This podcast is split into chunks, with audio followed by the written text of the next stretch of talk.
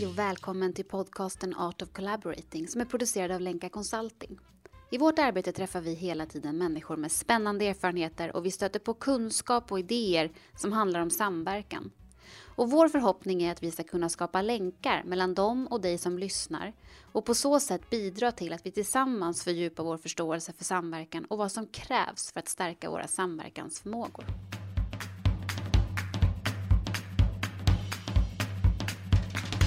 Jag heter Matilda Ardenfors och jag driver tillsammans med Anna Singmark och Caroline Bottheim Lenka Consulting. Anna och Caroline är författare till boken Att lyckas leda i samverkan. Och I dagens avsnitt så pratar vi om system och helhet och hur vi kan agera för helhetens bästa när vi agerar i samverkan.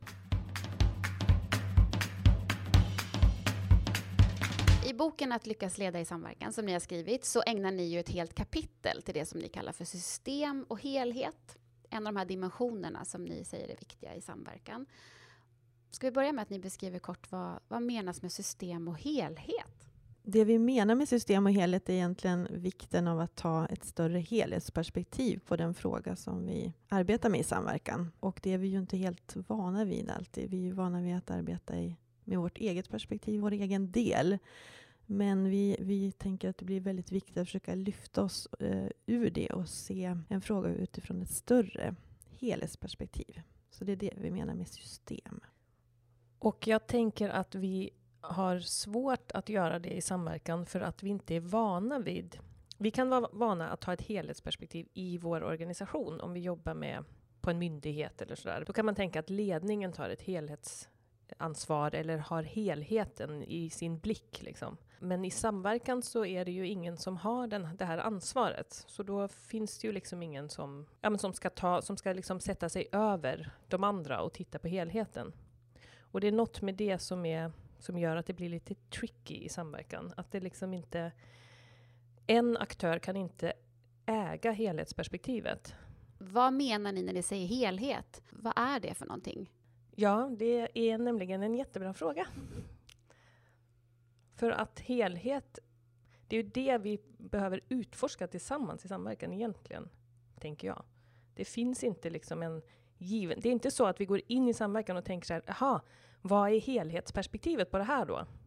Och så hittar vi det liksom, för det är någon som har det, eller det finns i någon... Eh, det står skrivet någonstans eller så. Utan det gör ju inte det. Så det betyder att vi går in i det. Och jag tänker det här berör väldigt mycket när vi pratade om kontext och potential tidigare det berör väldigt mycket det här mellanrummet som ingen liksom äger och som vi behöver förstå tillsammans. Och då, just det här att förstå den processen, att förstå det här tillsammans, tror jag, det är det som utmanar oss lite. För vi är lite vana vid att liksom delegera det där, eller tänka så här, men det finns ett helhetsperspektiv. Det, någon måste ha det.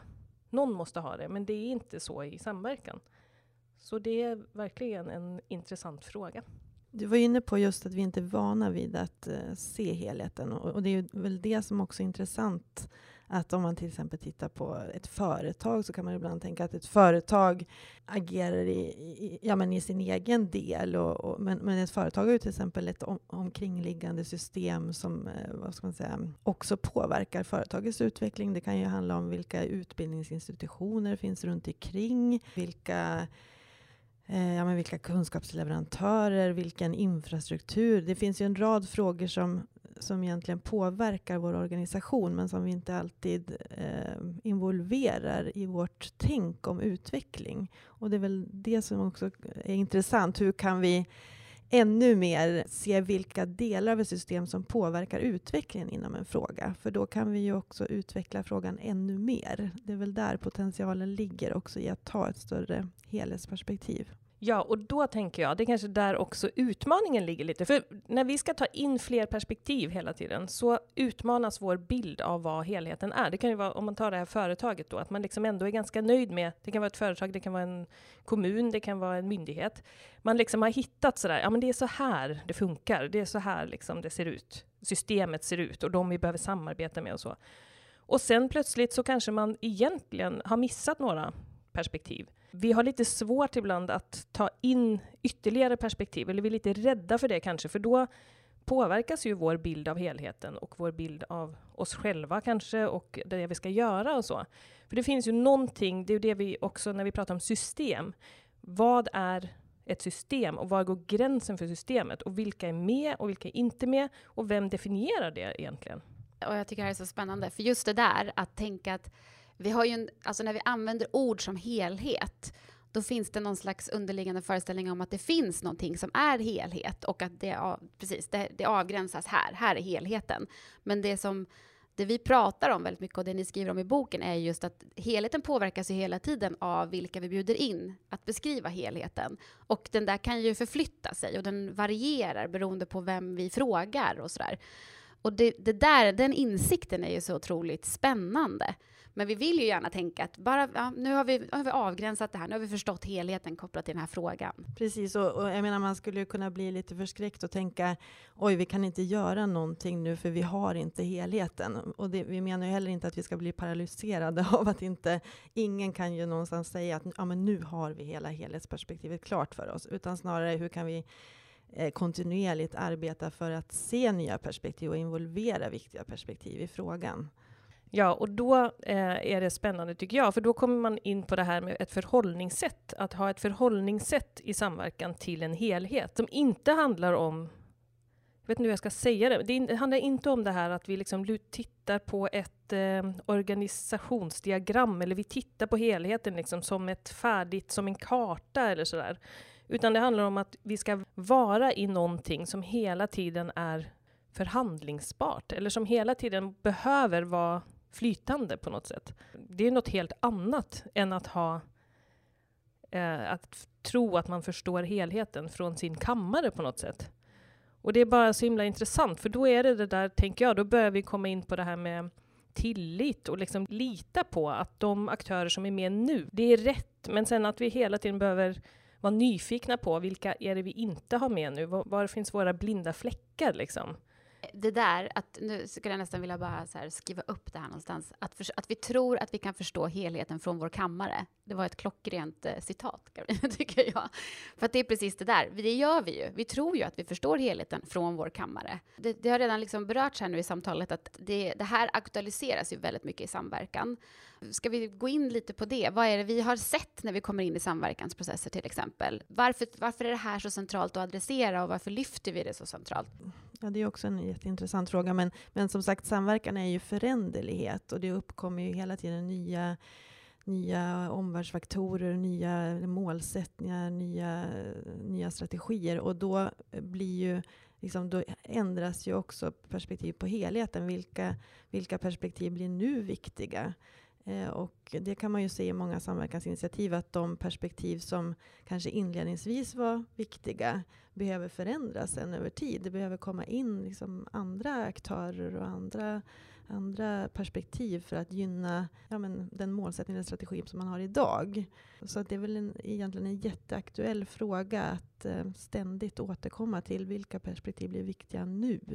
Och, och sen så tänker jag också, det skriver jag också om i boken, att vi kan ju vara vana vid att involvera de som är mest engagerade och motiverade och, och våra kompisar så att säga kopplat till den här frågan. Och det är ju jättekul eh, att, att vi umgås. Men sen så kan det också finnas, om, om vi tänker att samverkan är förändring, så kan det finnas aktörer som kanske skulle kunna förhindra till exempel en utveckling och som faktiskt kan verkligen hindra att vi kommer framåt. Hur kan vi tänka kring involvering där till exempel? Hur kan vi få till en förståelse hos ja, personer som kanske kan påverka regelverk eller andra liksom strukturella faktorer.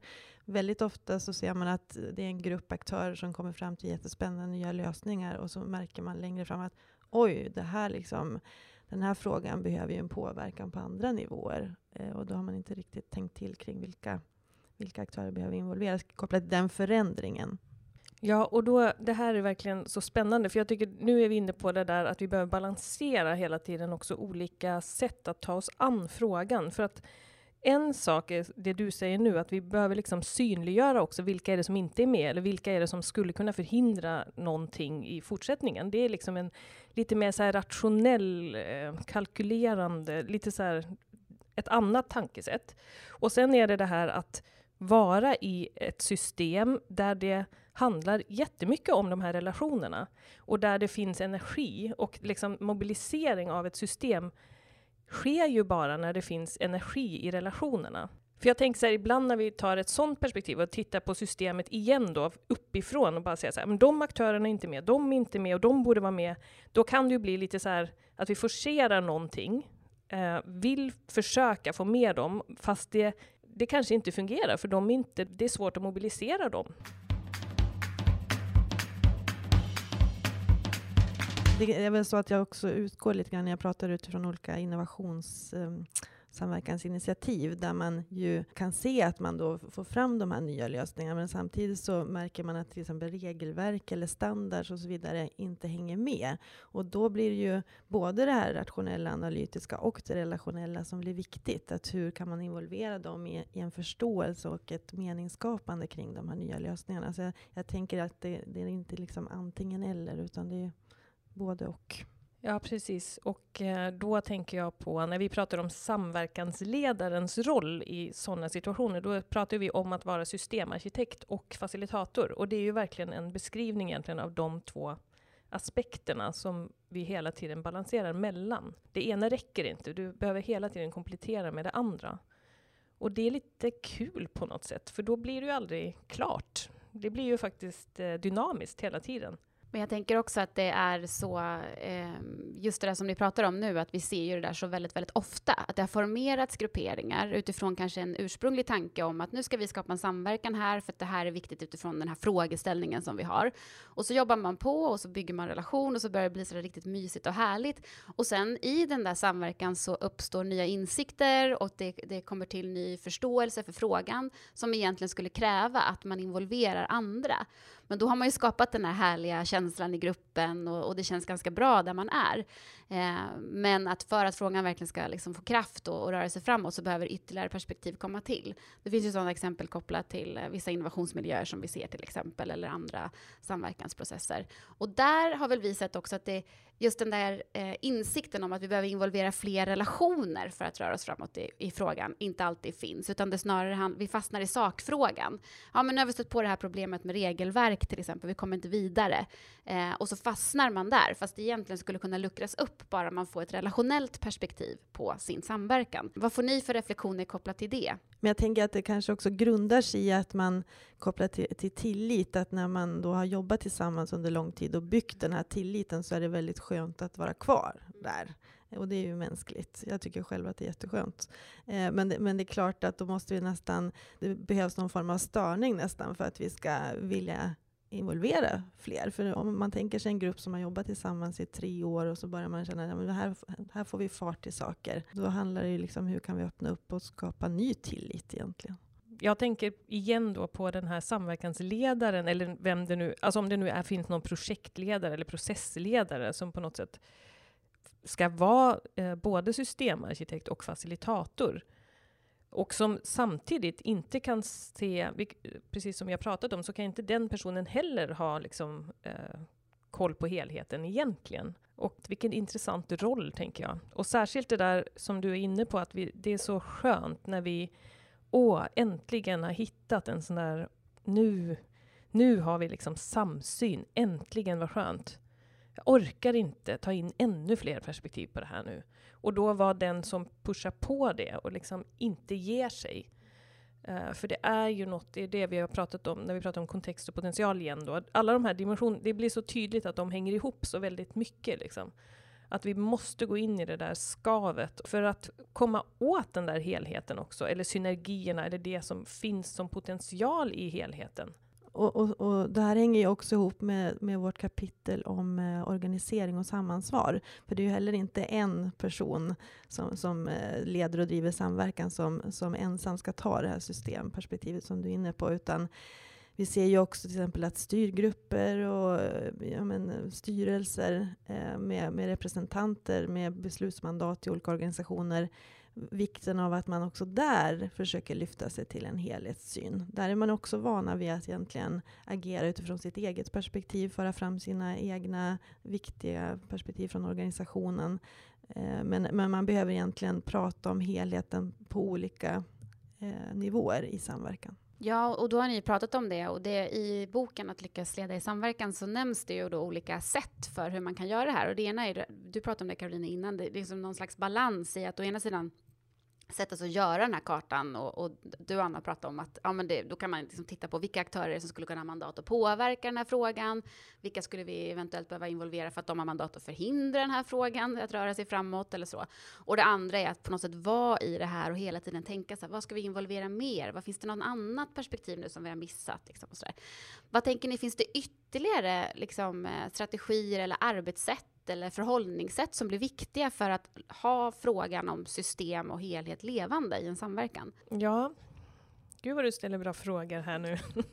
jag tycker, ja nu fick du en idé där. Eh, ja, eller jag kom att tänka på också vikten av omvärlds, eh, att involvera omvärldsperspektiv i samverkan. För att vi kan ju bli lite grann av grupptänkare också när vi jobbar eh, tillsammans bland aktörer. Jag tänker bland annat på ja, men, olika internationella samarbeten som jag har varit involverad i, där man helt plötsligt ser sin lokala eller regionala fråga från en helt annan synvinkel genom att man ser hur man kan både ja, men hur man jobbar i andra länder eller hur man kan länka upp sig mot miljöer i andra länder.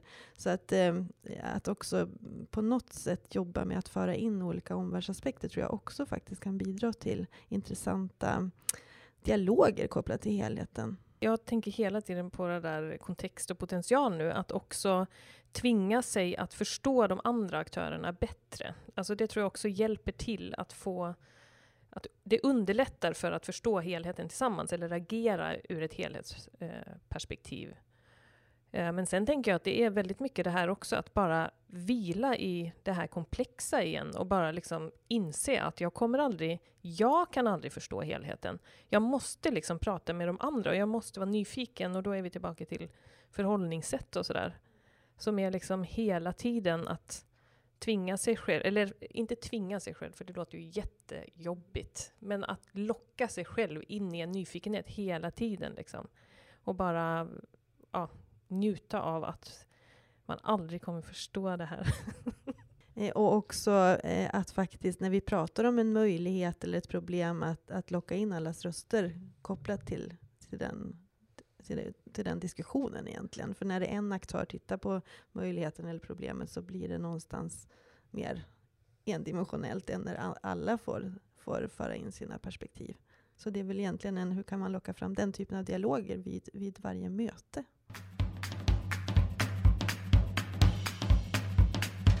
I boken så skriver ni, det är ju ett annat kapitel, ni pratar om relationell koordinering och det gillar ju vi på Länka att jobba en hel del med och det är någonting som ett perspektiv som bygger tillit och som stärker relationer. Men i det så finns det också verktyg för att måla upp liksom bilder av vilka relationer är centrala.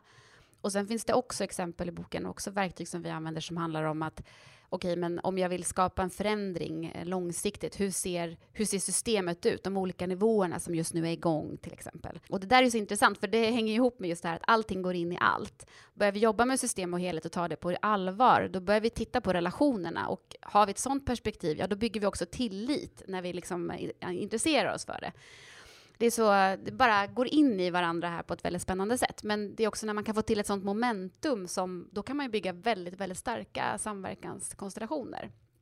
Men som ni säger, det kräver ju att någon också har det perspektivet då. De vågar vara den där facilitatorn och arkitekten.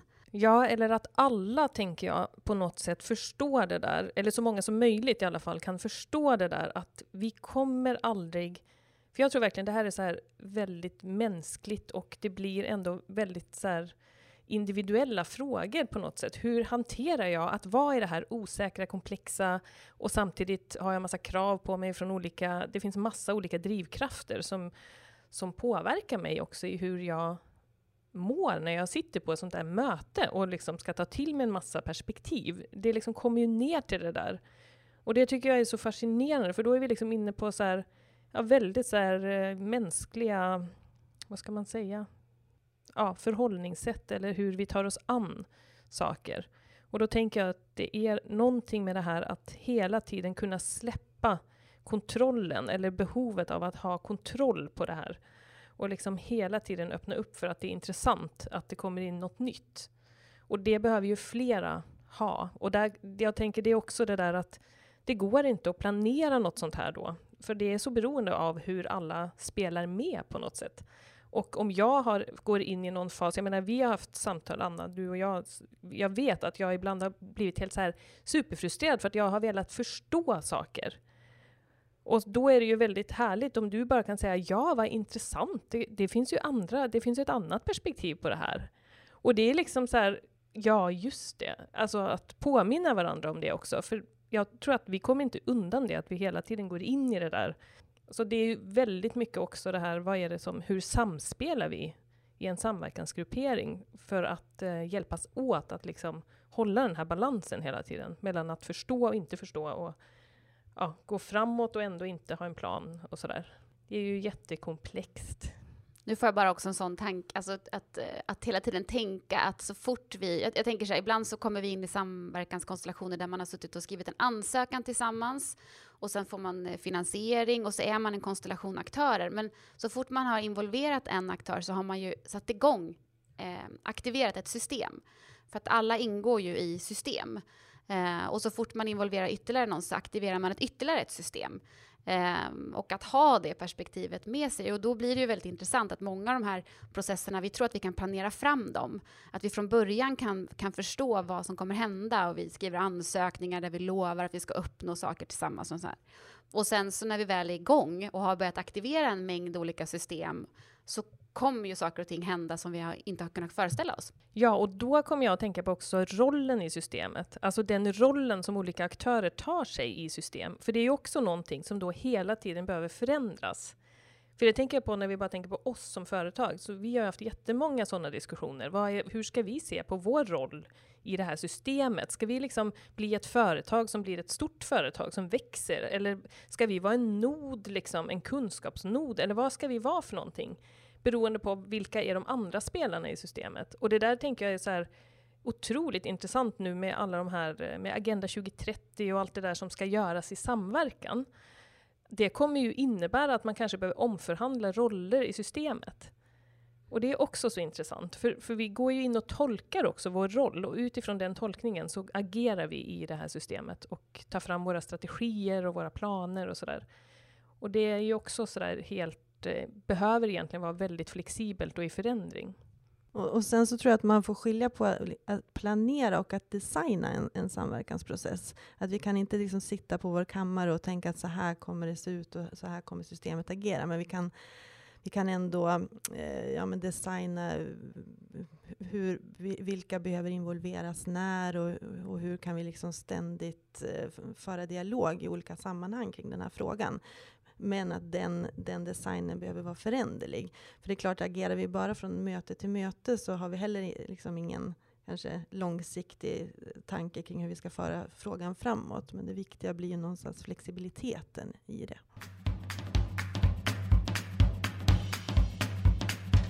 Vi ska runda av det här samtalet. Vad är det då som skulle vara ett eh, inspirerande inspel som ni skulle vilja ge till personer som sitter där ute och är sådär, det här med system och helhet, det här behöver jag verkligen tänka till kring. Vad är era medskick till en sån samverkansledare? Jag tänker, eh, liksom kopplat till andra frågor i samverkan, att involvera de andra i, i att diskutera. Hur ser vår, vår, vårt helhetsperspektiv ut just nu? Vilka involverar vi? Vilka ytterligare perspektiv behöver vi involvera? Att helt enkelt lyfta den typen av frågeställningar i en samverkansgruppering. För det är ingenting som, som sagt, vi kan sitta och tänka på ensamma.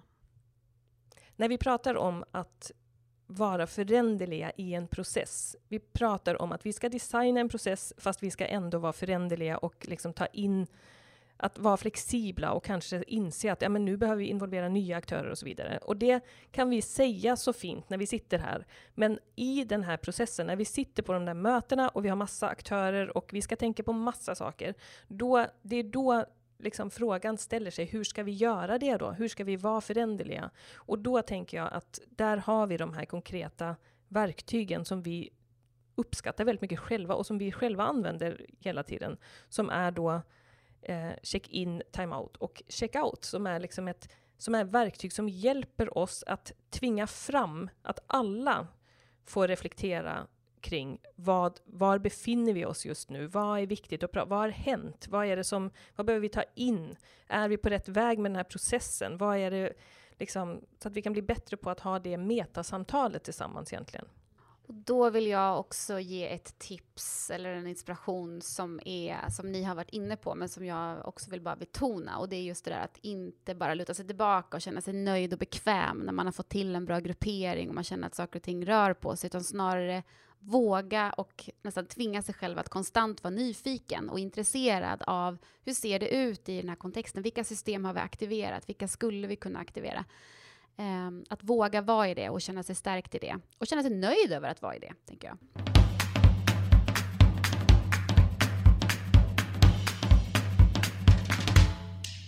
Tack för att du har lyssnat. Art of Collaborating är producerad av Lenka Consulting och redigering görs av Emma Larsson som är skribent och dokumentärfilmare. Vi hoppas att du känner dig inspirerad och motiverad att fortsätta utforska och stärka dina samverkansförmågor.